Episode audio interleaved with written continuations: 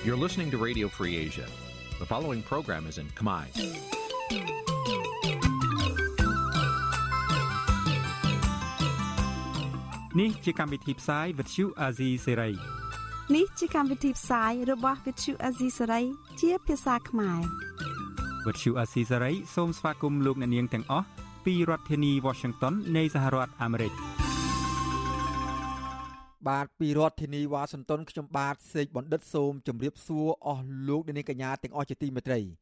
បាទយើងខ្ញុំសូមជូនកម្មវិធីផ្សាយសម្រាប់ព្រឹកថ្ងៃប្រហោះ15រោចខែអាសាឍឆ្នាំខាលចត្វាស័កពុទ្ធសករាជ2566ត្រូវនៅថ្ងៃទី28ខែកក្កដាគ្រិស្តសករាជ2022បាទជាដំបូងនេះសូមអញ្ជើញអស់លោកអ្នកនាងស្ដាប់ព័ត៌មានប្រចាំថ្ងៃដែលមានមេតិការដូចតទៅ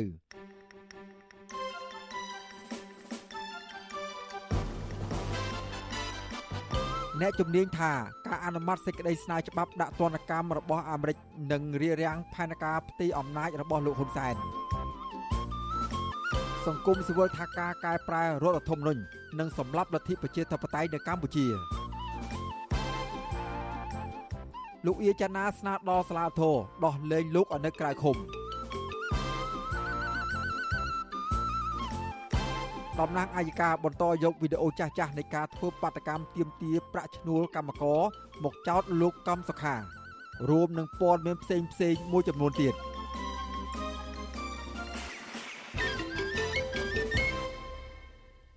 ជាបន្តទៅទៀតនេះខ្ញុំបាទសេកបណ្ឌិតសូមជូនព័ត៌មានពិស្ដាបាទលោកអ្នកនាងកញ្ញាជាទីមេត្រីក្រុមអ្នកជំនាញវិតម្លៃថា ការអនុម័តសេចក្តីស្នើច្បាប់ដាក់ទណ្ឌកម្មជាក់លាក់របស់អាមេរិកមកលើមន្ត្រីជាន់ខ្ពស់កម្ពុជានឹងធ្វើឲ្យផ្ទៃក្នុងរបស់គណៈបកកណ្ដាលអំណាចរង្គោះរង្គើហើយអាចរារាំងដល់ផែនការផ្ទៃអំណាចនាយករដ្ឋមន្ត្រីតវងត្រកូលរបស់លោកហ៊ុនសែនទៅឲ្យកូនប្រុសច្បងរបស់លោកគឺលោកហ៊ុនម៉ាណែតការវិតម្លៃនេះកើតមានឡើងស្របពេលដែលក្រមសមាជិកប្រសិទ្ធិរបស់អាមេរិក កំពុងពន្លឿនការអនុម័តសេចក្តីស្នើច្បាប់ដាក់ទណ្ឌកម្មជាក់លាក់មកលើមន្ត្រីជាន់ខ្ពស់កម្ពុជា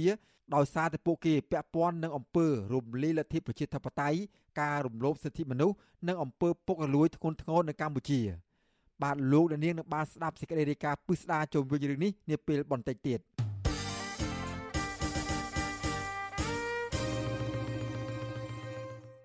បាទលោកនាងកញ្ញាជាទីមេត្រី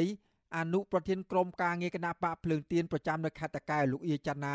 ស្នើដល់សាលាធរដោះលែងលោកឲ្យនៅក្រៅឃុំបណ្ដោះអាសន្នមេធាវីការពីក្តីលោកជួងជូងីឲ្យដឹងថាលោកអៀចាណាបានស្នើយ៉ាងដូចនេះនៅក្នុងពេលសវនាការជំនុំជម្រះក្តីនៅក្រៅឃុំកាលពីថ្ងៃទី27ខែកក្កដាម្សិលមិញបាទពីរដ្ឋធានី Washington លោកទីនសាការីយ៉ារាយការណ៍ជុំវិញព័ត៌មាននេះសាលាធរនឹងសម្រេចថាតើនឹងត្រូវដោះលែងឬបន្តឃុំខ្លួនលោកអៀចនា អនុប្រធានក្រុមការងារគណៈបកភ្លើងទៀនប្រចាំខេត្តតាកែវនៅថ្ងៃទី1សីហាខាងមុខលោកមេធាវីជួសជងាដឹងថាសវនាការជំនុំជម្រះសំនៅក្រៅឃុំកាលពីថ្ងៃទី27កក្កដានោះលោកអៀចនាបានសុំឲ្យតុលាការដោះលែងលោកនៅក្រៅឃុំបណ្ដោះអាសន្នដោយសន្យាថានឹងមិនចាកចេញពីប្រទេសឡើយលោកបញ្ជាក់ថាកូនក្តីរបស់លោកនឹងបង្ហាញខ្លួននៅរាល់ពេលតុលាការកោះហៅលោកមេធាវីជួងជងីអះអាងថាលោកអៀចនាបានប្រាប់ទៅតុលាការថាឆ្នាំពន្ធនាគារ បានរដ្ឋបတ်និងកម្រិតលោកដោយអ្នកទោសដូច្នោះដែរនៅស្របពេលដែលតុលាការមិនទាន់រកឃើញថាកូនក្តីរបស់លោក មានទោសនៅឡើយនោះអ្វីដែលអ៊ីចនាគាត់មានការកត់សម្គាល់នៅតុលាការហ្នឹងគឺគាត់ត្រូវបានពន្ធនាគារហ្នឹងប្រព្រឹត្តទៅលើគាត់ដោយគាត់ហ្នឹងជាប្រជាជនយ៉ាង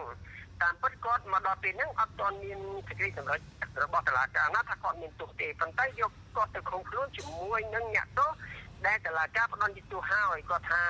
យកគាត់ទៅឃុំខ្លួនជាមួយអุกរជនដែលមានទោសអ្នកខ្លះជាអุกរជនកូនកូនបែរជាយកគាត់ទៅឃុំមួយពួកនោះចិត្តទុកដូចគាត់ហ្នឹងជាអ្នកទោសដែលមានទោសអุกរិនអញ្ចឹងអញ្ចឹងគាត់មានការគាត់សម្គាល់បែបហ្នឹងទៅតឡាការមិនសមអីហ្នឹងណាវិទ្យុអាស៊ីសេរីមិនអាចតតងអ្នកនាំពាក្យសាលាធររាជធានីភ្នំពេញដើម្បីសំសួរអំពីបញ្ហានេះបានឡើយទេកាលពីយប់ថ្ងៃទី27កក្កដាសាលាដំបងរាជធានីភ្នំពេញបានចោទប្រកាន់លោកអៀចាណាពីបទរួមគំនិតក្បត់ ប្រព្រឹត្តនៅប្រទេសកម្ពុជានិងទីកន្លែងផ្សេងទៀតកាលពីឆ្នាំ2020និងពេលបន្តបន្ទាប់តាមមាត្រា453នៃក្រមព្រហ្មទណ្ឌទោះជាយ៉ាងណារយៈពេល2ឆ្នាំក្រោយមកទើបតុលាការបង្ហាញនៃការចាប់ខ្លួននេះគឺនៅក្រៅពេលសមត្ថកិច្ចក្រុងភ្នំពេញចាប់ខ្លួនលោកអៀចន្ទាកាលពីថ្ងៃទី30ខែឧសភាបច្ចុប្បន្នលោកកំពុងជាប់ឃុំនៅពន្ធនាគារព្រៃសរស្លាដំបងរាជធានីភ្នំពេញចាប់ខ្លួនលោកអៀចន្ទានេះនៅក្រៅពេលលោកវិលត្រឡប់ពីប្រទេសណ័រវេ ទៅចូលរួមធ្វើសកម្មភាពនយោបាយជាមួយគណៈបកភ្លើងទៀននៅមុនពេលតុលាការចាប់ខ្លួនលោកអៀចន្ទាលោកមានតួនាទីជាអនុប្រធានក្រុមការងារបកភ្លើងទៀនប្រចាំនៅខេត្តតាកែវការចាប់ខ្លួននេះនៅស្របពេលគណៈបកនយោបាយកំពុងតែរៀបចំការបោះឆ្នោតឃុំសង្កាត់តែតើនៅបញ្ហានេះអនុប្រធានគណៈបកភ្លើងទៀនលោកថៃសិដ្ឋាចាត់ទុកការចាប់ខ្លួនលោកអៀចន្ទាថាជារឿងនយោបាយនិងជាការធ្វើទុកបុកម្នេញគណៈបកភ្លើងទៀន អញ្ចឹងហើយនៅតែការចាត់ប្រកាន់ហ្នឹងខ្ញុំថាវាមិនគួរឲ្យកើតមានតទៅទៀតទេគួរតែយើងងាកមកគោរពសិទ្ធិមនុស្សគោរពប្រជាពលរដ្ឋគោរពច្បាប់អីហ្នឹងឲ្យបានត្រឹមត្រូវពេញលេញទៅវាល្អជាជាងហើយវាជាកិត្តិយសរបស់ប្រទេសហើយវាចំណេញដល់ជាតិរបស់យើងផងកុំឲ្យគេមើលឃើញតឡាការហ្នឹងក៏ជារឿងនយោបាយគេរហូតដល់គេចាត់ទុកថា ការរំលោភបំពានសិទ្ធិមនុស្សអីដាក់តនកម្មតនអីទៀតវាអត់មានអីចំណេញទៅទេសោះលោកអៀចណាបានភៀសខ្លួនទៅប្រទេសណ័រវេកាលពីឆ្នាំ2005ដោយសារតែរដ្ឋាភិបាលលហ៊ុនសែនបានធ្វើទុកបុកម្នេញលោកក្រោយពីលោកបានរិះគន់អំពីបញ្ហាព្រំដែនខ្មែរនិងវៀតណាមលោកក៏ធ្លាប់មានតំណែងតំណងជាមួយមេដឹកនាំគណៈបកសង្គ្រោះជាតិមួយចំនួនជាពិសេសលោកបានបង្ហាញចំហគាំទ្រលោកសំរងស៊ីនៅក្រៅប្រទេសតឡាការក្រុងភ្នំពេញបានបញ្ជាសមត្ថកិច្ចឲ្យចាប់ខ្លួនលោកអៀចណានៅពេលលោកវិលទៅកម្ពុជាវិញ ដើម្បីចូលរួមឃោសនាបោះឆ្នោតខុំសង្កាត់ខ្ញុំធីនសាការីយ៉ាអាស៊ីសេរីប្រធានីវ៉ាស៊ីនតោនបាទលោកអ្នកនាងកញ្ញាជាទីមេត្រីពាក់ព័ន្ធនឹងសំណុំរឿងលោកកំសខាប្រធានគណៈបកសង្គ្រោះជាតិវិញម្ដង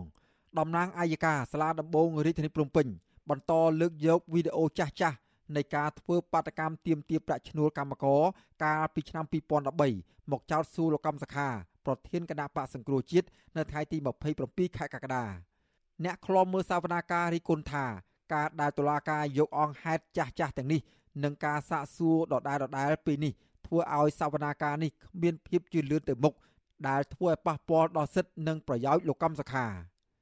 បាទពីរដ្ឋធានី Washington លោកទីនសាការីយ៉ាមានសេចក្តីរាយការណ៍មួយទៀតជុំវិញព័ត៌មាននេះសវនាការលោកកម្មសខាសប្តាហ៍នេះហាក់គ្មានភាពខុសប្លែកពីសវនាការលើកមុនមុននោះទេដោយតំណាងអัยការមិនទាន់បង្ហាញអង្គហេតុថ្មី ទាក់ទងនឹងបទចោទប្រកាន់ថាលោកកម្មសខាមានទំនាក់ទំនងសម្ងាត់នឹងរដ្ឋបរទេសណាមួយមកបង្ហាញក្នុងសវនាការនោះឡើយតំណាងអัยការបន្តយកវីដេអូចាស់ចាស់នៃការធ្វើបាតកម្មរបស់កម្មកររោងចក្រទៀមទាដំឡើងប្រាក់ឈ្នួលកាលពីឆ្នាំ2013នៅស្ពានស្ទឹងមានជ័យដោយតុលាការទៀមទាឲ្យលោកកម្មសខាទទួលខុសត្រូវទៅវិញមន្ត្រីជាន់ខ្ពស់នៃសមាគមការពារសិទ្ធិមនុស្សអាត់ហុកដែលឃ្លាំមើលសវនកម្មនេះលោកយីសុកសានក៏សម្គាល់ឃើញថា សំណួររបស់តំណាងអัยការភាកច្រើន ជាសំណួរគ្មានប្រយោជន៍សម្រាប់សវនាការនិងហាក់ដូចជាតឡាការមានចេតនាពន្យាពេលសវនាការនេះទៅវិញលោកបន្តថាតំណាងអัยការបានព្យាយាមពង្រីកបញ្ហាដោយច្បាច់យកវីដេអូនៃការធ្វើបាតកម្មនានាកាលពីជាង9ឆ្នាំមុនបើទោះបីជាលោកកម្មសខាអះអាងបដិសេធដដែលដដែលថាលោកទទួលខុសត្រូវតែបាតកម្មរបស់គណៈបកសង្គ្រោះជាតិដែលធ្វើនៅទីលានប្រជាធិបតេយ្យក៏ដោយចុះ ទាញយ៉ាងហ្នឹងយកមកចេះតែភ្ជាប់អាចំណុចហ្នឹងហើយដែលដែលហាក់ដូចជាយើងមិនខំដែលគេហៅថាបង្រួមបញ្ហាដើម្បីដោះស្រាយឲ្យវាសុខសាន្តវាបែរទៅជាពង្រីកបញ្ហាចំណុចហ្នឹងហើយហើយការពង្រីកបញ្ហានេះគឺធ្វើឲ្យភាគីទាំងសងខាងគាត់អត់យល់ព្រមរហូតចេះតែមានការអូវឡាយរហូតមកដល់គេហៅសវនាការទី50ដោយសារតែរឿងពង្រីកបញ្ហាហ្នឹងឯងបាទសវនាការលើកនេះក្រុមមេធាវីលោកកម្មសខាមិនបានផ្ដល់បទសម្ភាសឲ្យអ្នកសារព័ត៌មាននោះទេ វិទ្យុអាស៊ីសេរីមិនអាចសុំការបញ្ជាក់បន្ថែមពីសហមេធាវីការពារក្តីលោកកម្មសខាដើម្បីសួរអំពីតឡាការបន្តបើកសវនាការជំនុំជម្រះក្តីលោកកម្មសខានៅថ្ងៃទី27កក្កដានេះបានទេចំណែកឯអ្នកគាំទ្រលោកកម្មសខាប្រមាណជា100នាក់នៅតែបន្តឃ្លាំមើលសវនាការនេះនៅខាងមុខតឡាការដដែលក្រៅពីនេះក៏មានតំណាងស្ថានទូតបរទេសនិងតំណាងអង្គការសហប្រជាជាតិប្រចាំនៅកម្ពុជា តំណាងអង្គការសង្គមស៊ីវិលក្នុងស្រុកនិងអ្នកសារព័ត៌មានផងដែរដោយឡែកសមាជិកបារឹបបន្តឹងសន្តិសុខដោយរាល់ដងដែរអ្នកគាំទ្រលកម្មសខាម្នាក់លោកហ៊ុនកសលរិះគន់ថាតឡាការបានព្យាយាមសួរជន់លោកកម្មសខាដើម្បីចង់បានចម្លើយលោកយល់ថាសំណុំរឿងនេះបើគ្មានដំណោះស្រាយនយោបាយទេ មិនដឹងថាសវនាការនឹងបញ្ចប់នៅពេលណានោះដែរ កម្មសខាគាត់បានឆ្លើយសំណួរនឹងទៅកាន់តុលាការនឹងយ៉ាងក្បោះក្បាយរួចទៅហើយប៉ុន្តែនេះគឺជាតាក់ទិចដែលគេព្យាយាមជន់លោកប្រធានកម្មសខាដើម្បីយកយកចម្លើយណាតែយ៉ាងណាក៏ដោយជាស្មោះត្រង់សុចរិតភាពមិនអាចលុបបំបាត់បានទេតកតងនឹងការលើកឡើងនេះវិទ្យុអសិរ័យមិនអាចតកតងប្រធានអង្គភិបអ្នកនាំពាក្យរដ្ឋាភិបាលលោកផៃសិផាននិងអ្នកនាំពាក្យគណៈបកប្រជាជនកម្ពុជាដើម្បីសួរអំពីបញ្ហានេះបានទេនៅថ្ងៃទី27កក្កដា ទោះជាយ៉ាងណាលោកសុកអេសានតែងតែនិយាយដដែលដដែលថាករណីលោកកម្មសខាកំពុងស្ថិតនៅក្នុងដែនសមត្ថកិច្ចរបស់តុលាការដោយលោកអះអាងថាគ្មានការចរចាណាមួយរំលោភកិច្ចការតុលាការបានដែរគិតមកទល់ពេលនេះលោកកម្មសខាបានបាត់បង់សិទ្ធិសេរីភាពជិត5ឆ្នាំហើយក្រោយពីរដ្ឋាភិបាលលហ៊ុនសែនបានចោទប្រកាន់ថាមេបកប្រឆាំងរូបនេះខົບខិតជាមួយរដ្ឋបរទេសដើម្បីដួលរំលំរដ្ឋាភិបាលទាក់ទងនឹងបញ្ហានេះនៃវិភាគនយោបាយលោកកឹមសុខយល់ថា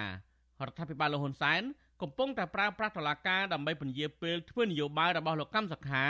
ព្រោះខ្លាចលោកកម្មសខាមានសិទ្ធិធ្វើនយោបាយនិងធ្វើឲ្យប៉ះពាល់ដល់ផែនការផ្ទេរអំណាចពីលោកហ៊ុនសែនទៅលោកហ៊ុនម៉ាណែត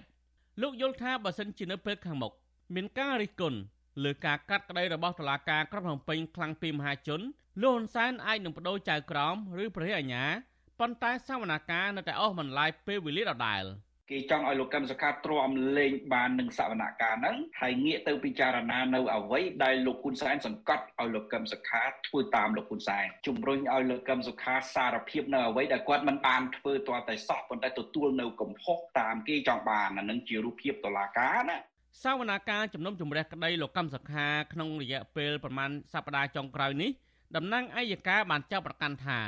មេបកប្រឆាំងរូបនេះជាប់តាក់ទងនឹងការធ្វើបាតកម្មទាមទារប្រាក់ឈ្នួលរបស់កម្មកររោងចក្រនៅផ្លូវវែងស្រេងបាតកម្មហឹង្សាបណ្ដាលឲ្យបាតកោស្លាប់នៅស្ពានក្បាលថ្នល់និងបាតកម្មនៅគល់ស្ពានស្ទឹងមន្ជ័យជាដើមតុលាការនឹងបន្តសវនាការនេះទៀតនៅថ្ងៃទី3ខែសីហាសប្តាហ៍ក្រោយខ្ញុំទីនសាការីយ៉ាអស៊ីសេរីប្រធានីវ៉ាស៊ីនតោនបាទលោកអ្នកនាងកញ្ញាជាទីមេត្រី សមាជិករដ្ឋសភាឯកបៈនៅព្រឹកថ្ងៃប្រហ័សនេះនឹងជួបជុំគ្នា ក្នុងនោះមានទាំងលោកនាយករដ្ឋមន្ត្រីហ៊ុនសែនផងនិងអញ្ជើញចូលរួមនៅក្នុងកិច្ចប្រជុំសភាដើម្បីពិនិត្យនិងអនុម័តលើសេចក្តីព្រាងច្បាប់រដ្ឋធម្មនុញ្ញស្តីពីវិសោធនកម្មមេត្រាចំនួន8នៃរដ្ឋធម្មនុញ្ញនិងច្បាប់ធម្មនុញ្ញ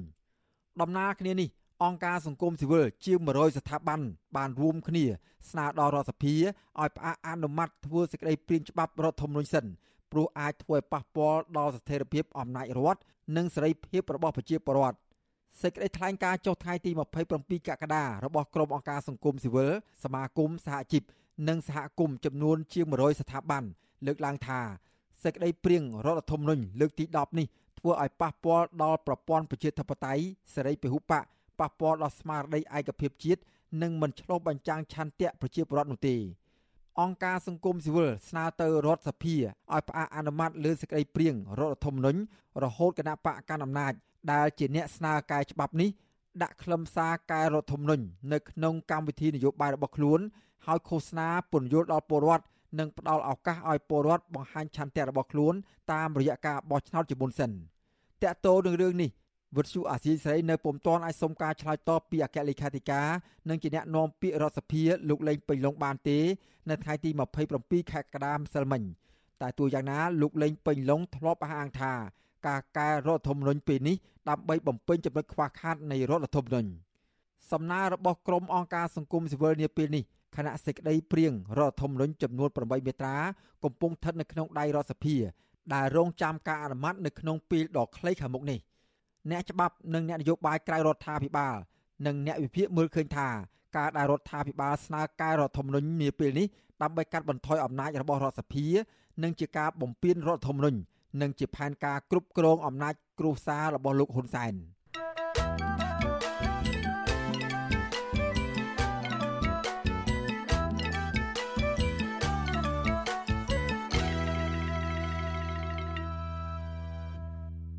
បាទលោកនាងកញ្ញាជាទីមេត្រី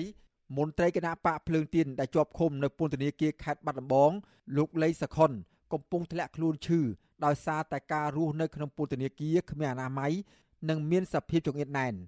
ក្រមគ្រួសារមន្ត្រីគណៈបកប្រឆាំងរូបនេះស្នើដល់តុលាការឲ្យដោះលែងសមាជិកគ្រួសាររបស់ខ្លួនឲ្យនៅក្រៅឃុំបណ្ដោះអាសន្ននិងពន្យានីតិវិធីជំនុំជម្រះក្តីឲ្យបានឆាប់រហ័ស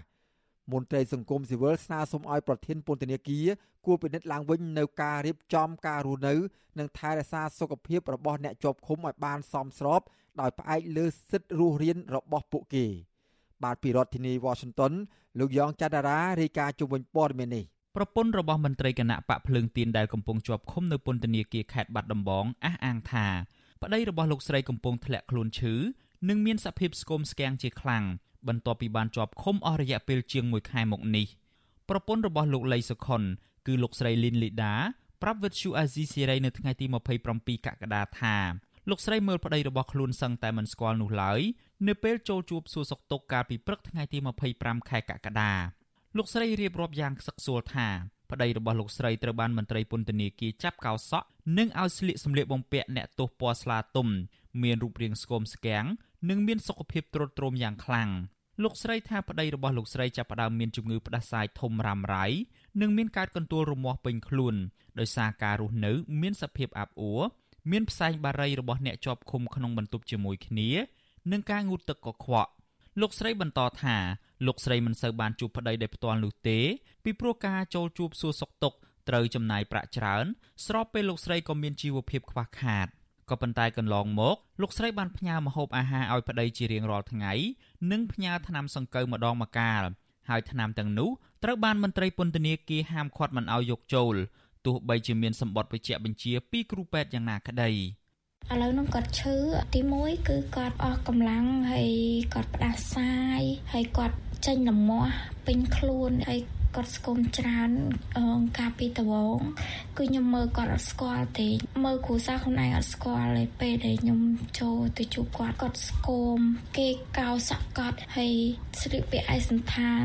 ពណ៌ស្លាទុំអីចឹងទៅ គឺខ្ញុំមើលអត់ស្គាល់ហ្មង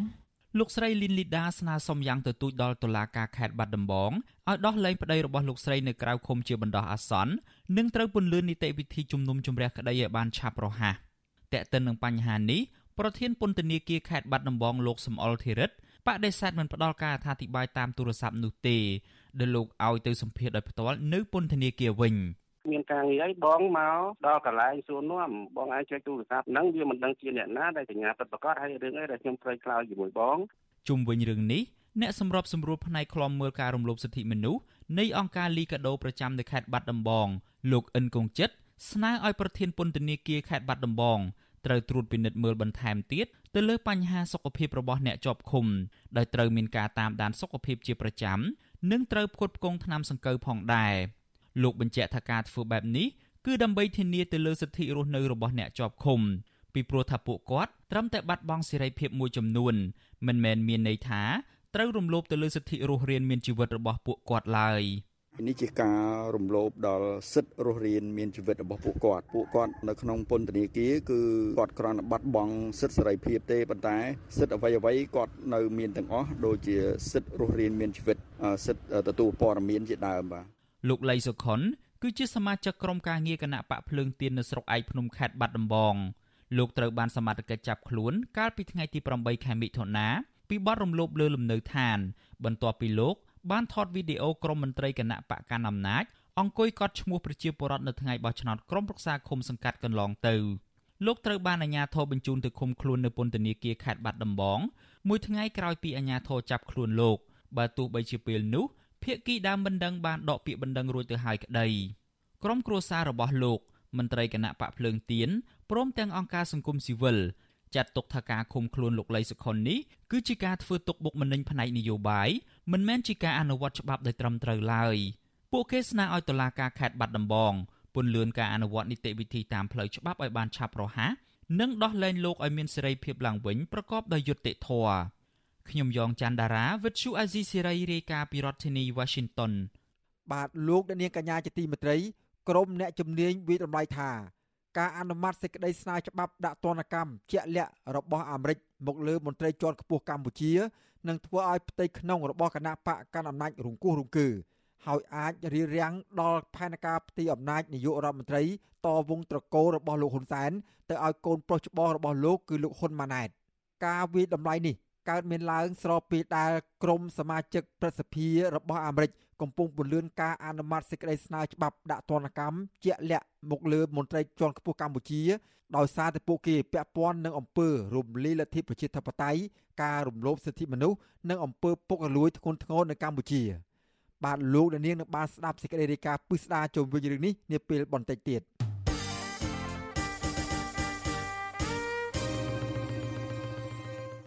បាទលោកអ្នកនាងកញ្ញាជាទីមេត្រីអាញាធររាជធានីភ្នំពេញកាលពីថ្ងៃពុធម្សិលមិញបានបន្តរៀបរៀងនិងបង្ក្រាបក្រុមគឧតកោ Nagawal មិនឲ្យតវ៉ា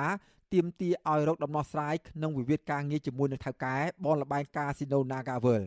ការតវ៉ារបស់ក្រុមកម្មករជាបន្តបន្ទាប់មកនេះដោយសារតែពួកគេមិនទាន់ទទួលបានដំណោះស្រាយបញ្ចប់វិវាទពីថៅកែក្រុមហ៊ុន Nagawal និងអាជ្ញាធរពាក់ព័ន្ធ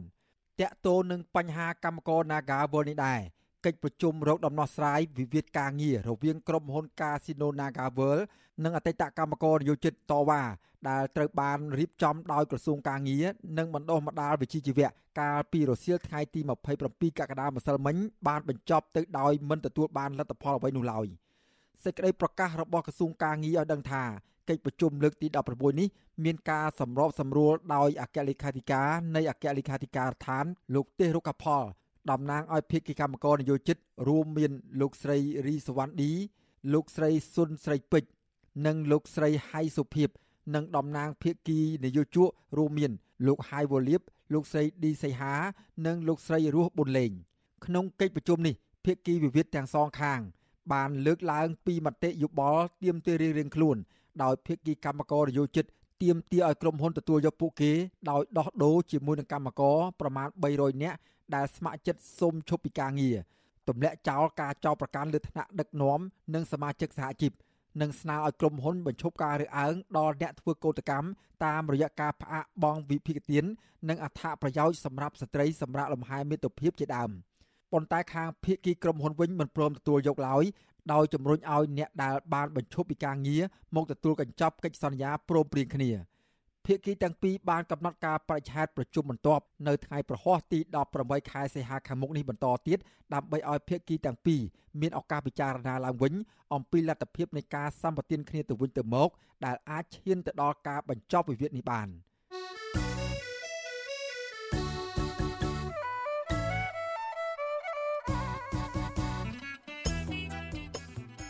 បាទលោកនាងកញ្ញាជាទីមេត្រី ក្រៅពីការតាមដានស្ដាប់ការផ្សាយរបស់វិទ្យុអស៊ីសេរីតាមបណ្ដាញសង្គម Facebook YouTube Telegram លោកអ្នកនាងក៏អាចតាមដានស្ដាប់ការផ្សាយរបស់យើងខ្ញុំ តាមរយៈបណ្ដាញសង្គម Instagram របស់វិទ្យុអស៊ីសេរីតាមរយៈតំណភ្ជាប់ www.instagram.com/rfa ខ្មែរវិទ្យុអសីស្រីបន្តខិតខំផ្សព្វផ្សាយព័ត៌មានពិតទៅកាន់បងប្អូនតាមរយៈបណ្ដាញសង្គមផ្សេងៗ និងសម្បូរបែបដើម្បីលោកនាងងាយស្រួលតាមដានការផ្សាយរបស់វិទ្យុអសីស្រីគ្រប់ពេលវេលា និងគ្រប់ទីកន្លែង តាមរយៈទូរស័ព្ទរបស់អស់លោកនាង បាទសូមអរគុណ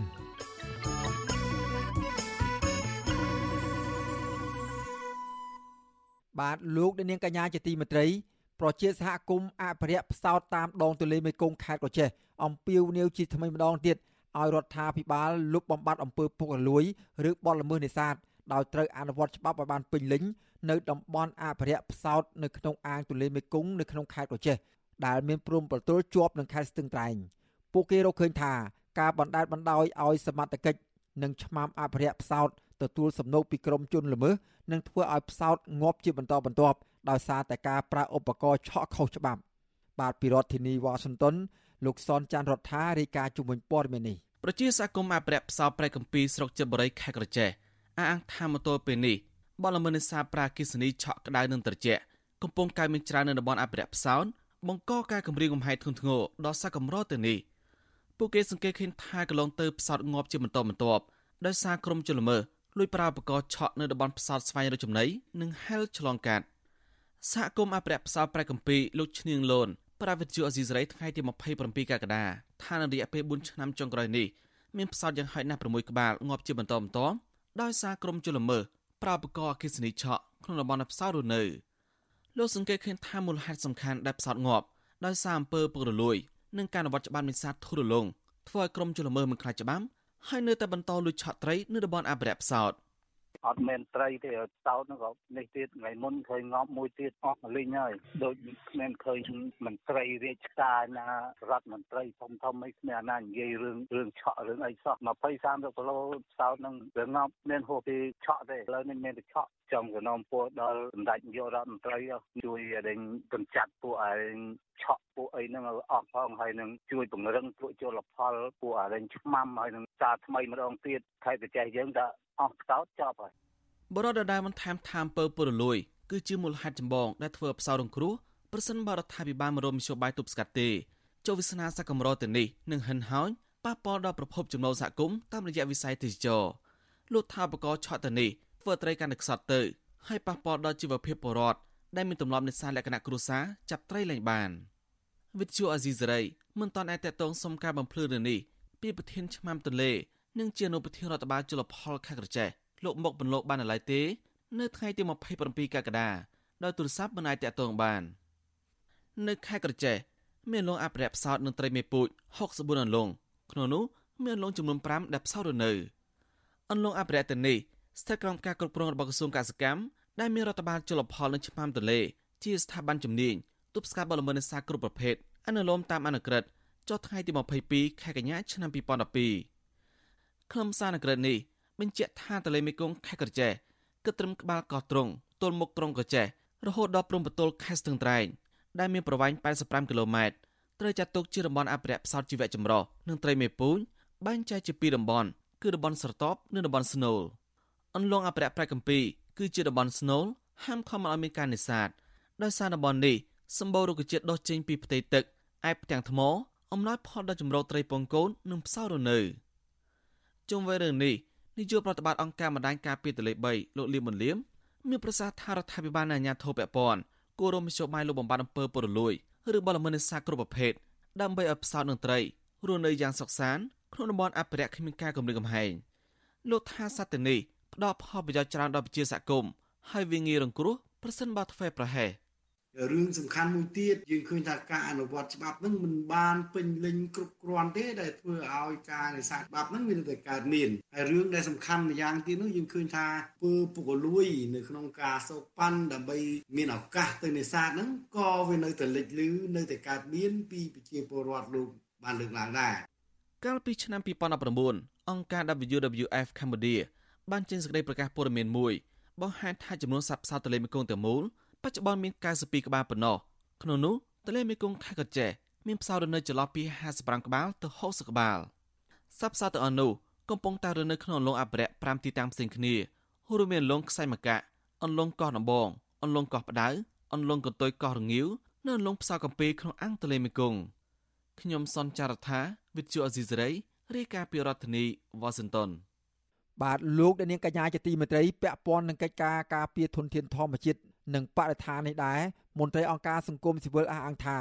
អភិបាលខេត្តមួយចំនួនមិនយកចិត្តទុកដាក់គោរពបទបញ្ជារបស់រដ្ឋាភិបាលក្នុងការអនុវត្តវិធានការរក្សាការពារបណ្ដោះអាសន្ននៅតំបន់ព្រៃអភិរក្សសមរភាពសហគមន៍ដើម្បីរក្សាសុវត្ថិភាពដីសមរភាពដែលប្រជាសហគមន៍បានដាក់ពាក្យស្នើសុំចុះបញ្ជីកន្លងទៅនោះទេពួកគេមើលឃើញថាទង្វើរបស់អាជ្ញាធរខេត្តសមីធ្វើឲ្យដីសមរភាពរបស់សហគមន៍ជួបបញ្ហាច្រើន ជាពិសេសការរំលោភបំពានពីសំណាក់ក្រុមហ៊ុនឯកជននិងក្រុមអ្នកមានអំណាចជាដើមបាទជុំវិញរឿងនេះអ្នកសម្របសម្រួលលេខាធិការដ្ឋានសម្ព័ន្ធជនជាតិដើមភៀតតិចកម្ពុជា លោកយុនលូរ៉ង់ប្រាប់បទសុអសីសេរីនៅថ្ងៃទី27កក្កដាថាមកទល់នឹងពេលនេះសហគមន៍ជនជាតិដើមភៀតតិចមានជាង90%ក្នុងចំណោមសហគមន៍ជាង150កន្លែងដែលដាក់ពាក្យស្នើសុំចុះបញ្ជីដីសមរភាព កំពុងជួបបញ្ហាប្រឈមជាច្រើនដោយសារតែអាជ្ញាធរខេត្តនីមួយៗមិនអនុវត្តវិធានការរក្សាការពារបណ្ដោះអាសន្នឲ្យមានប្រសិទ្ធភាព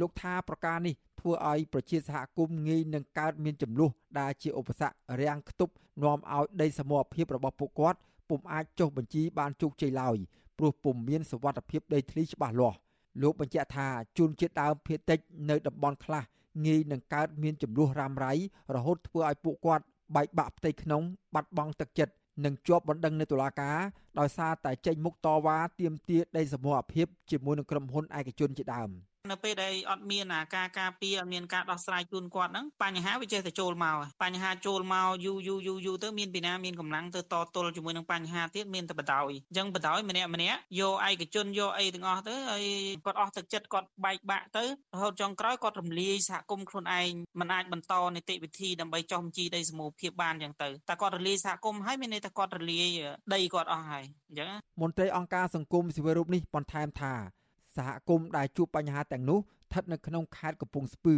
បាត់ដំបង ស្ទឹងត្រែងក្រចេះមណ្ឌលគិរីរតនគិរីកំពង់ធំ និងខេត្តមណ្ឌលគិរីជាដើមលោកថាវិធានការរក្សាការពារដីសមរភាពបណ្ដោះអាសន្នស្របតាមអនុក្រឹត្យលេខ83របស់រដ្ឋាភិបាលដើម្បីរក្សាសុវត្ថិភាពដីសមរភាពជូនសហគមន៍ដែលជនជាតិដើមភាគតិចបានដាក់ពាក្យស្នើសុំនីតិបុគ្គលទៅក្រសួងមហាផ្ទៃរួចរាល់ហើយ វិទ្យុអាស៊ីសេរីនៅពុំទាន់អាចតាក់ទងសុំការបំភ្លឺអំពីរឿងនេះពីអភិបាលខេត្តទាំងនេះបាននៅឡើយទេនៅថ្ងៃទី7ខែកក្កដាម្សិលមិញលោកយុនលូរងបន្ថែមថាដីសមរភាពសហគមន៍ខ្លះបានរលាយខ្លះបណ្ដោយឲ្យមានបញ្ហាចាក់ស្រេះច្រើនសមាជិកសហគមន៍ខ្លះជាប់គុកខ្លះទៀតជាប់បណ្ដឹងនៅតុលាការដោយសារតែអាជ្ញាធរខេត្តសមីមិនអនុវត្តវិធានការរក្សាការពារឲ្យដីមានប្រសិទ្ធភាពលោកបញ្ជាក់ថាសហគមន៍ទាំងនោះរួមមាន សហគមន៍ជនជាតិដើមភាគតិចនៅភូមិប្រមេខេត្តព្រះវិហារសហគមន៍ត្បិតចង្ហូខ្នាខេត្តកំពង់ធំសហគមន៍ប៊ូស្រាខេត្តមណ្ឌលគិរី និងសហគមន៍ក្បាលរមៀសខេត្តស្ទឹងត្រែងជាដើម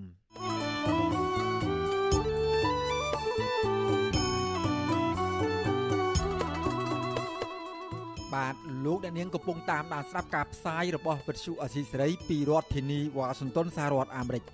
ក្រៅពីលោកអ្នកនាងស្ដាប់ការផ្សាយរបស់យើងខ្ញុំតាមរយៈបណ្ដាញសង្គម Facebook និង YouTube នោះលោកអ្នកនាងក៏អាចស្ដាប់ការផ្សាយរបស់យើងខ្ញុំតាមវិទ្យុរលក ធារកាសខ្លីឬ Shortwave តាមកម្រិតនិងកម្ពស់ដូចតទៅនេះពេលព្រឹកចាប់ពីម៉ោង5កន្លះដល់ម៉ោង6កន្លះតាមរយៈរលក ធាតុអាកាសខ្លី12140 kHz ស្មើនឹងកម្ពស់ 25m និង13715 kHz ស្មើនឹងកម្ពស់ 22m នៅពេលយប់ចាប់ពីម៉ោង7កន្លះដល់ម៉ោង8កន្លះតាមរយៈរលក ធាតុអាកាសខ្លី9960 kHz ស្មើនឹងកម្ពស់ 30m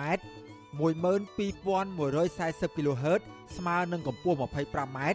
និង11885 kHz ស្មើនឹងកម្ពស់ 25m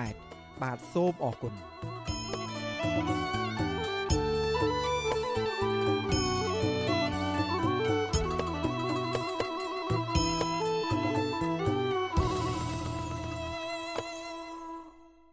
បាទលោកនាងកញ្ញាជាទីមេត្រីតុលាការកំពូលចេញសេចក្តីសម្រេចរក្សាការសម្រេចរបស់សាលាធរមិនឲ្យលោកសៀមភ្លុកនៅក្រៅឃុំបណ្ដោះអាសន្ន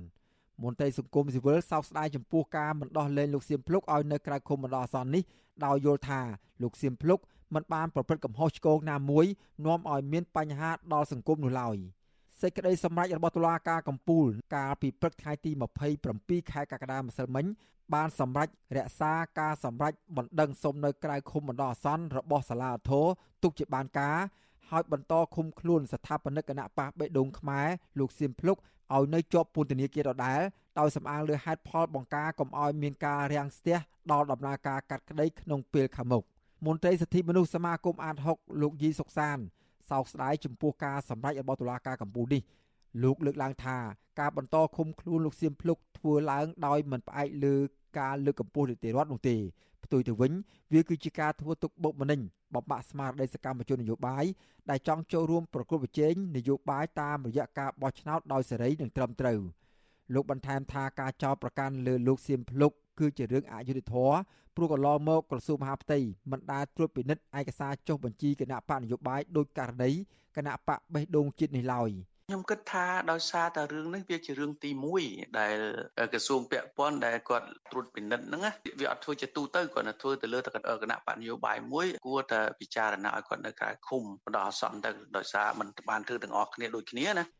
គិតបន្ទួលនឹងពីនេះស្ថាបនិកគណៈបកបេះដូងជាតិលោកសៀមភ្លុក បានជាប់ពន្ធនាគាររយៈពេល3ខែមកហើយដោយលោកត្រូវបានសាលាដំបងភ្នំពេញសម្រេចឃុំខ្លួនលោកកាលពីថ្ងៃទី28មិថុនា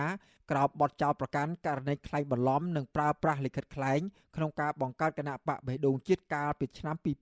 2021សង្គមស៊ីវិលនៅអង្គការអន្តរជាតិកន្លងមកតែងតែលើកឡើងថា ការឃុំខ្លួនលោកសៀមភ្លុកគឺជាការគំរាមកំហែងបំផិតបំភ័យនិងបំបាក់ស្មារតីផ្នែកនយោបាយទៅលើសកម្មជននយោបាយដែលមាននិន្នាការផ្ទុយពីរដ្ឋាភិបាល។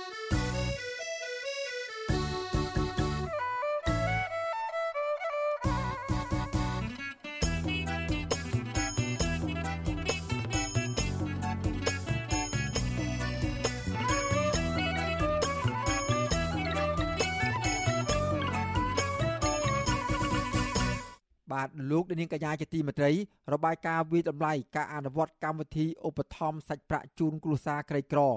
ងាយនិងងាយរងគ្រោះក្នុងអំឡុងពេលប្រយុទ្ធប្រឆាំងនឹងជំងឺ Covid-19 របស់រដ្ឋាភិបាលបង្ហាញថាកម្មវិធីនេះបានផ្ដល់ផលវិជ្ជមានជាច្រើនដល់ក្រុមគ្រួសារក្រីក្រ និងងាយរងគ្រោះ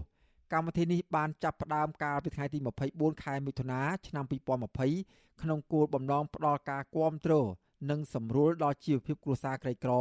និងងាយរងគ្រោះដែលមានបានសមត្ថៈប្រមាណជាង68ម៉ឺនគ្រួសាររយៈពេល25ខែ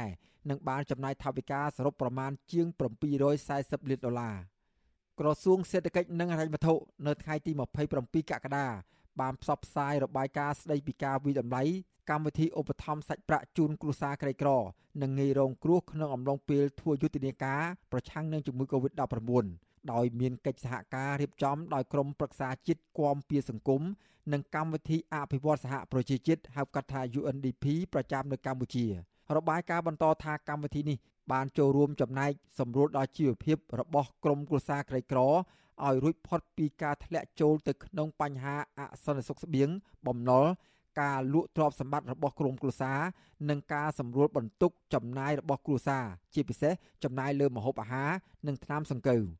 ចំពោះបច្ច័យលើផ្នែកម៉ាក្រូសេដ្ឋកិច្ចកម្មវិធីនេះបានចូលរួមដល់កំណើនសេដ្ឋកិច្ចប្រមាណ0.55%ក្នុងឆ្នាំ2020និង0.5%ក្នុងឆ្នាំ2021មិនតែប៉ុណ្ណោះកម្មវិធីនេះក៏បានរួមចំណែកកាត់បន្ថយអត្រាភាពក្រីក្រប្រមាណ2.7%ក្នុងឆ្នាំ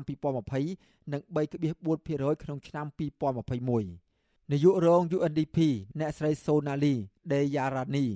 កឡើងថារបាយការណ៍វិតម្លៃនេះបង្ហាញពីភ័ស្តុតាងដែលមានលក្ខណៈវិទ្យាសាស្ត្រនិងមានមូលដ្ឋានរឹងមាំក្នុងការគិតគូរដល់ការវិនិយោគបន្ថែមលើប្រព័ន្ធគាំពារសង្គមដើម្បីអាចផ្ដល់ការគ្រប់គ្រងយ៉ាងមានប្រសិទ្ធភាពសម្រាប់គ្រួសារក្រីក្រ និងងាយរងគ្រោះដោយធានាថាគ្មាននរណាម្នាក់ត្រូវបានបោះបង់ចោលនោះឡើយការវិតម្លៃនេះបង្ហាញកាន់តែច្បាស់អំពីប្រសិទ្ធភាព និងបច្ច័យរបស់កម្មវិធី លើជីវភាពរបស់ក្រុមគូសាក្រីក្រ និងងាយរងគ្រោះក្រមប្រឹក្សាជាតិគាំពៀសង្គមនិងកម្មវិធីអភិវឌ្ឍសហប្រជាជាតិហៅកាត់ថា UNDP បានសហការរៀបចំការវិតម្លៃបច្ច័យសង្គមសេដ្ឋកិច្ចនៃការអនុវត្តកម្មវិធីឧបត្ថម្ភសាច់ប្រាក់ជូនគ្រួសារក្រីក្រ និងងាយរងគ្រោះក្នុងអំឡុងពេលប្រយុទ្ធប្រឆាំងនឹងជំងឺ Covid-19 នៅឆ្នាំ2020និងឆ្នាំ2021 ដោយមានការគាំទ្រពីរដ្ឋាភិបាលអូស្ត្រាលី ក្នុងគោលបំណងស្វែងយល់ពីប្រសិទ្ធភាព និងបច្ច័យដែលកើតចេញពីការអនុវត្តកម្មវិធី ទាំងនៅក្នុងកម្រិតមីក្រូ នៅក្នុងកម្រិតគ្រួសារនិងកម្រិតម៉ាក្រូដែលជាធាតុចូលដ៏សំខាន់ក្នុងការរៀបចំជំរើសគោលនយោបាយសម្រាប់ការគិតគូរកសាងប្រព័ន្ធគាំពៀនសង្គមនៅកម្ពុជា។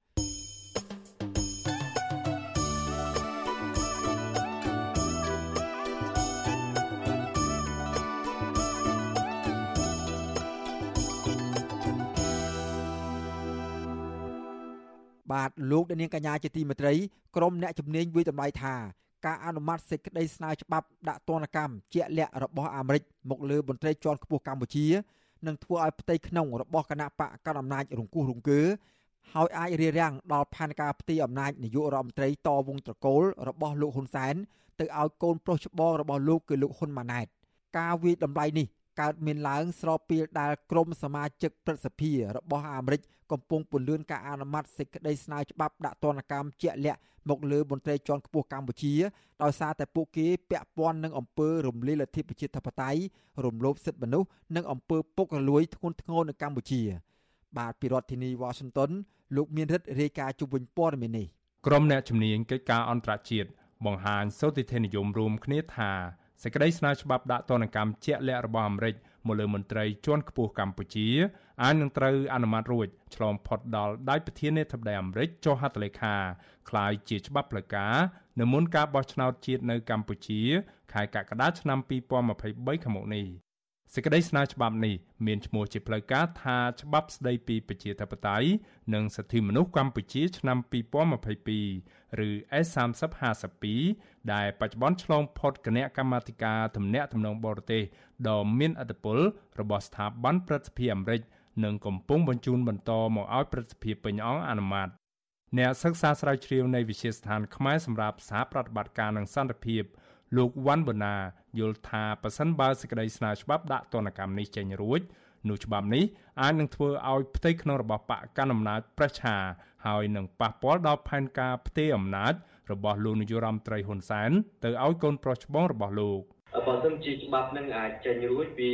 ពេញរីកច្រើនវាអាចប៉ះពាល់ទៅដល់ផ្ទៃក្នុងរបស់គណៈបកប្រជាជនដែរបើសិនជាច្បាប់នឹងដាក់ទណ្ឌកម្មលើបុគ្គលជាពិសេសមន្ត្រីចូលពុករបស់គណៈបកប្រជាជននឹងខ្លាំងវាធ្វើឲ្យប៉ះពាល់ហើយការណាប៉ះពាល់មន្ត្រីនៅក្នុងគណៈបកប្រជាជនប្រហែលជាមិនសប្បាយចិត្តទៅលើការដឹកនាំរបស់នាយករដ្ឋមន្ត្រីបច្ចុប្បន្នហើយនៅពេលដែលមានការផ្ទេរអំណាចវាជាហេតុមួយដែរនៃច្បាប់នឹងធ្វើឲ្យប៉ះពាល់ទៅដល់ការបង្កទ្រព្យសម្បត្តិឬក៏ការបិទកិច្ចការអញ្ចឹងទេវាជាតិចរីកច្រើនវាជាជាសញ្ញាទូមួយដែរក្នុងផលប៉ះពាល់ទៅដល់ការផ្ទេរអំណាចជាពិសេសបើសិនជាមានអវត្តមានលោកនាយករដ្ឋមន្ត្រីហ៊ុនសែននេះវាអាចអនាគតទៅវាធ្វើឲ្យមានការប្រឆាំងកាន់តែខ្លាំងក្នុងទីក្នុងគណៈបកប្រជាជនរបស់ការវាតម្លៃពីឥទ្ធិពលនៃសេចក្តីស្នើច្បាប់ដាក់ទណ្ឌកម្មរបស់អាមេរិកមកលើបកកណ្ដាលអំណាចនិងផែនការផ្ទេរអំណាចរបស់លោកហ៊ុនសែននេះក៏ត្រូវបានអ្នកជំនាញកិច្ចការបរទេសមួយរូបទៀតចែករំលែកនៅទស្សនៈស្រដៀងគ្នានេះដែរ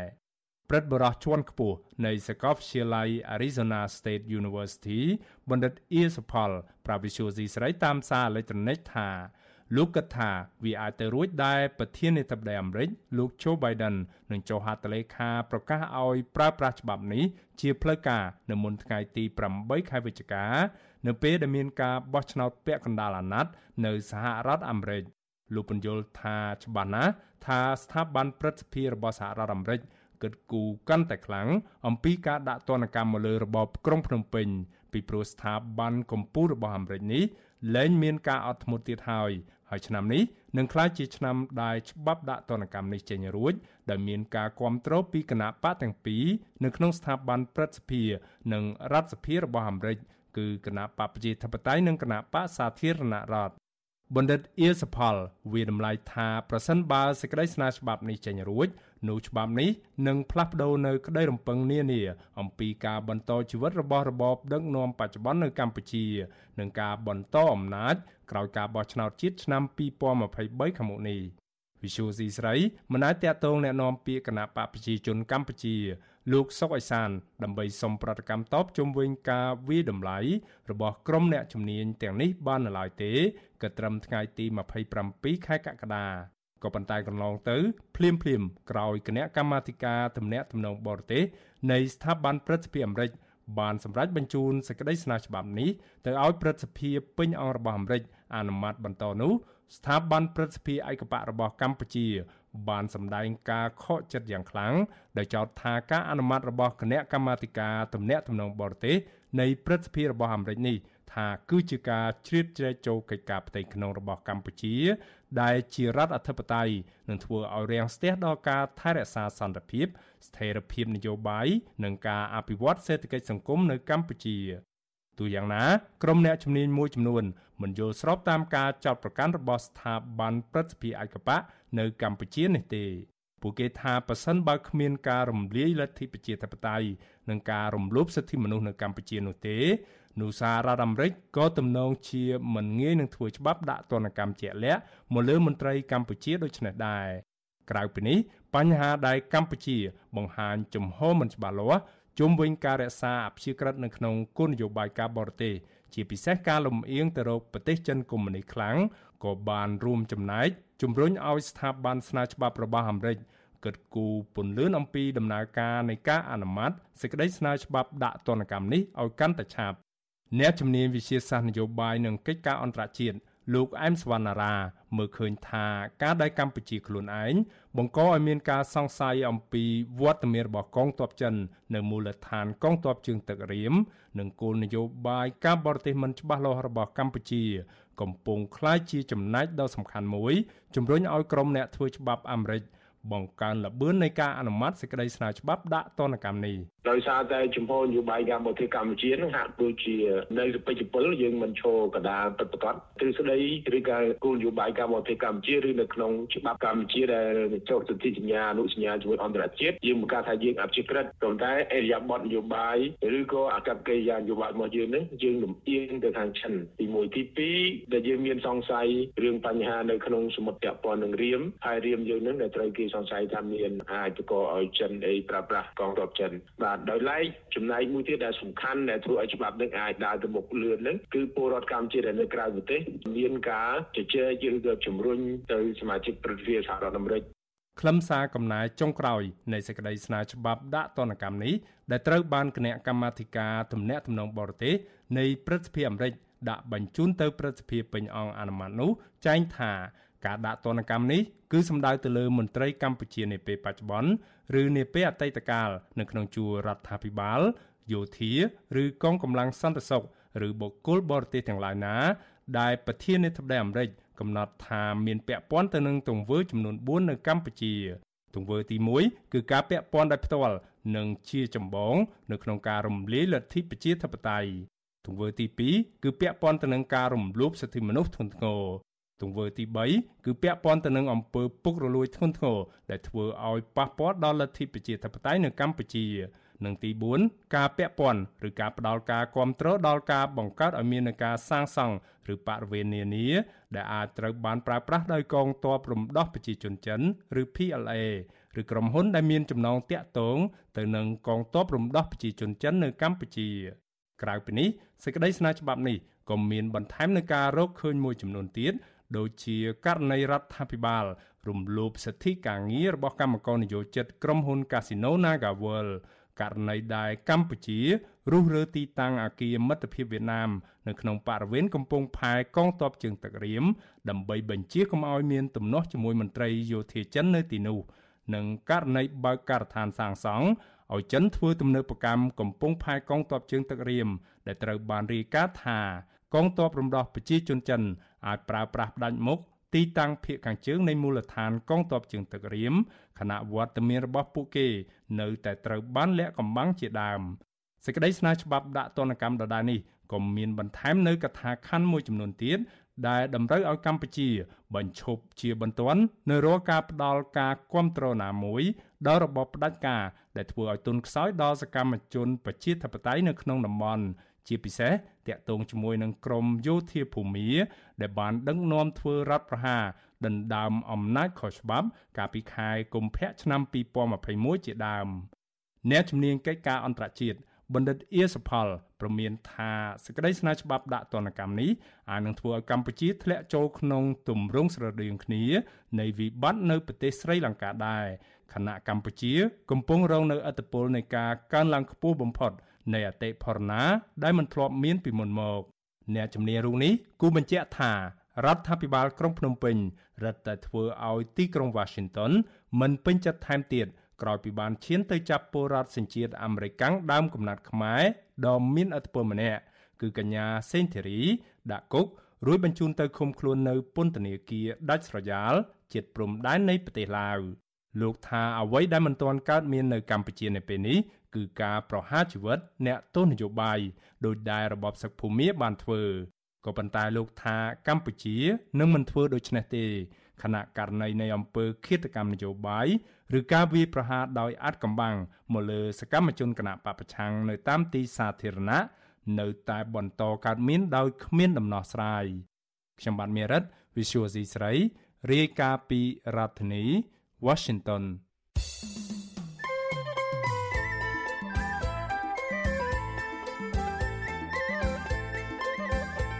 នេតិសុខភាព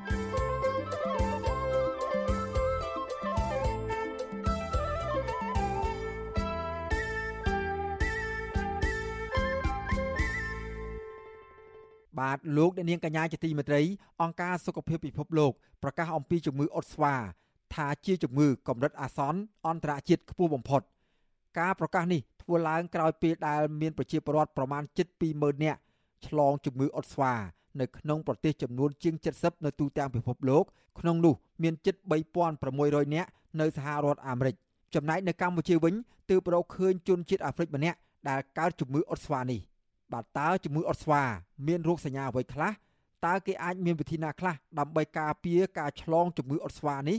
បាទនៅក្នុងនីតិសុខភាពប្រចាំសប្តាហ៍នេះអ្នកស្រីម៉ៅសុធានីសូមរាយការណ៍ជូនពិស្ដារអំពីរឿងនេះ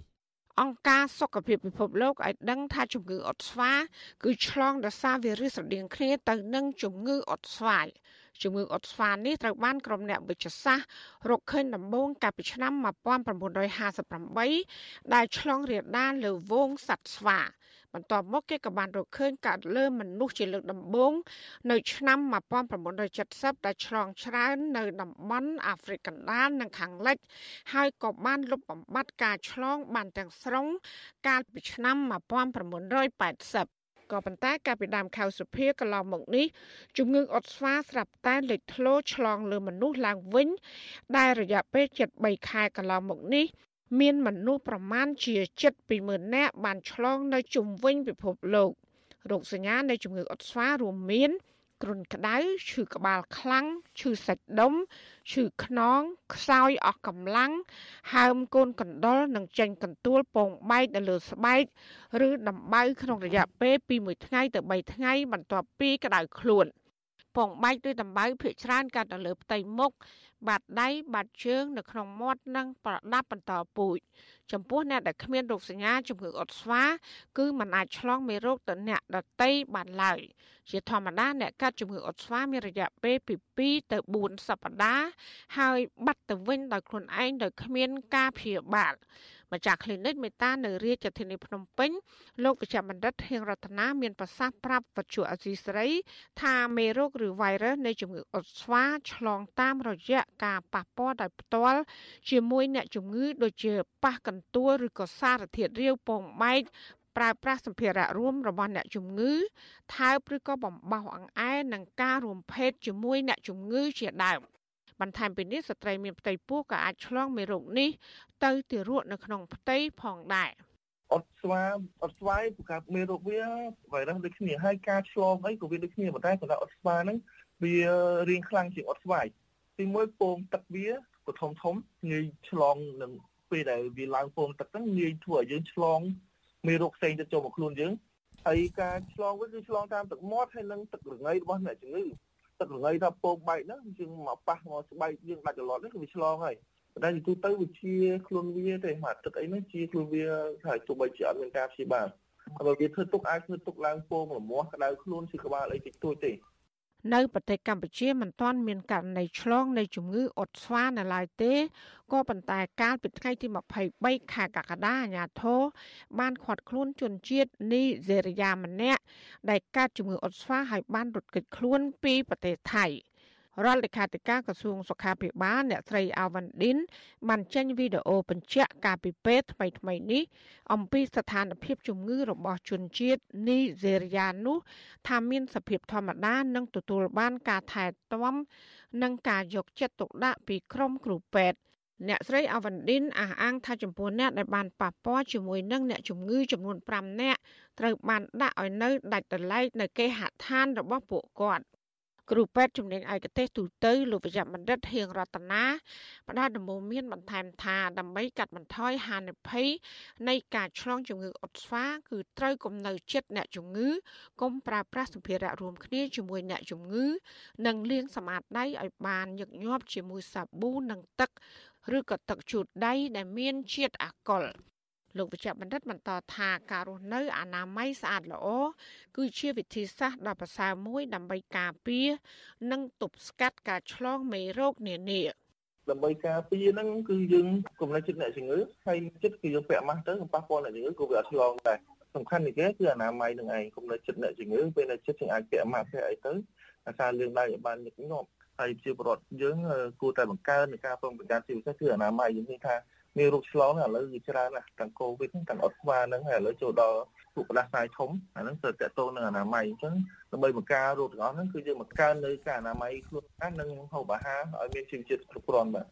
មជ្ឈមណ្ឌលបង្ការជំងឺឆ្លងនៅសហរដ្ឋអាមេរិកឲ្យដឹងថាជំងឺអុតស្វាគ្មានថ្នាំសម្រាប់ព្យាបាលនោះឡើយ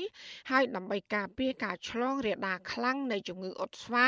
ក្រុមអ្នកជំនាញវិទ្យាសាស្ត្រ ពឹងផ្អែកទាំងស្រុងលើការផលិតវ៉ាក់សាំងបង្ការរាប់លានដូស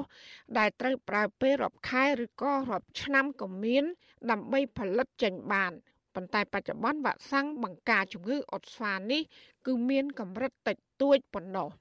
ទោះជាយ៉ាងណាដោយសារវីរុសឬមេរោគនេះស្រដៀងគ្នាទៅនឹងជំងឺអុតស្វាយក្រុមវិជ្ជាបណ្ឌិតជំនាញបានប្រើប្រាស់ថ្នាំប្រឆាំងមេរោគដើម្បីព្យាបាលអ្នកជំងឺអុតស្វាយ បន្ថែមពីនេះវ៉ាក់សាំងដែលគេប្រើសម្រាប់បង្ការជំងឺអុតស្វាយគឺគេអាចយកមកប្រើប្រាស់ដើម្បីបង្ការជំងឺអុតស្វាផងដែរប្រធានអង្គការសុខភាពពិភពលោកលោក Tedros Adhanom Ghebreyesus កាលពីថ្ងៃទី27ខែកក្កដាអំពាវនាវដល់អ្នកកើតជំងឺអុតស្វាត្រូវពិចារណាកាត់បន្ថយគូស្នេហាក្នុងអំឡុងពេលនេះដើម្បីទប់ស្កាត់ការរាលដាលខ្លាំងនៃជំងឺនេះ លោកសង្កត់ធ្ងន់ថា98%នៃអ្នកកើតជំងឺអុតស្វាចាប់តាំងពីខែឧសភាមក គឺជាបរិសុទ្ធស្រឡាញ់ភេទដូចគ្នាឬអ្នកស្រឡាញ់ស្រីផងនិងបរិសុទ្ធផងបន្ថែមពីនេះលោកក៏បានស្នើដល់អ្នកជំងឺអុតស្វាត្រូវនៅដាច់ដោយឡែកពីគេនិងបញ្ឈប់ការជួបជុំឬក៏ការប៉ះពាល់ដោយផ្ទាល់ជាមួយអ្នកដទៃចាននាងខ្ញុំម៉ៃសុធានីវិទ្យុអាស៊ីស្រីប្រធានាធិបតី Washington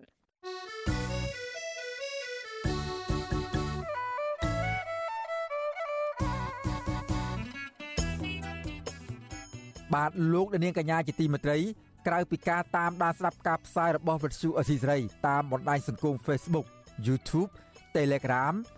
លោកអ្នកនាងក៏អាចតាមដានស្ដាប់ការផ្សាយរបស់យើងខ្ញុំតាមរយៈបណ្ដាញសង្គម Instagram របស់វិទ្យុអស៊ីសេរីតាមរយៈតំណភ្ជាប់ www.instagram.com/rfa ខ្មែរ វិទ្យុអសីស្រីបន្តខិតខំផ្សព្វផ្សាយព័ត៌មានពិតទៅកាន់បងប្អូនតាមរយៈបណ្ដាញសង្គមផ្សេងផ្សេងនិងសម្បូរបែបដើម្បីលោកនាងងាយស្រួលតាមដានការផ្សាយរបស់វិទ្យុអសីស្រីគ្រប់ពេលវេលា និងគ្រប់ទីកន្លែង តាមរយៈទូរស័ព្ទរបស់អស់លោកនាង បាទសូមអរគុណ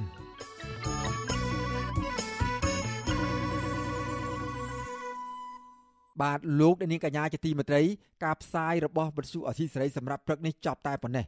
យើងខ្ញុំសូមជូនពរដល់អស់លោកអ្នកនាងឲ្យជួបប្រកបតែសេចក្តីសុខចម្រើនរុងរឿងកំបីគ្លៀងគ្លាតឡើយខ្ញុំបាទសេកបណ្ឌិតព្រមទាំងក្រុមការងាររបស់វិទ្យុអាស៊ីសេរីសូមអរគុណនិងសូមជម្រាបលា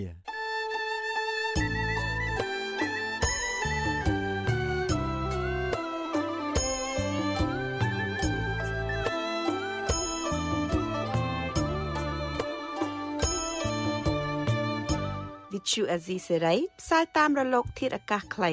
ឬ short wave តាមកម្រិតនិងកម្ពស់ដូចតទៅនេះពេលព្រឹកចាប់ពីម៉ោង5កន្លះដល់ម៉ោង6កន្លះតាមរយៈរលក ធាតុអាកាសខ្លី12140 kHz ស្មើនឹងកម្ពស់ 25m និង13715 kHz ស្មើនឹងកម្ពស់ 22m ពេលយប់ចាប់ពីម៉ោង7កន្លះដល់ម៉ោង8កន្លះតាមរយៈរលក ធាតុអាកាសខ្លី 9960 kHz ស្មើនឹងកម្ពស់ 30m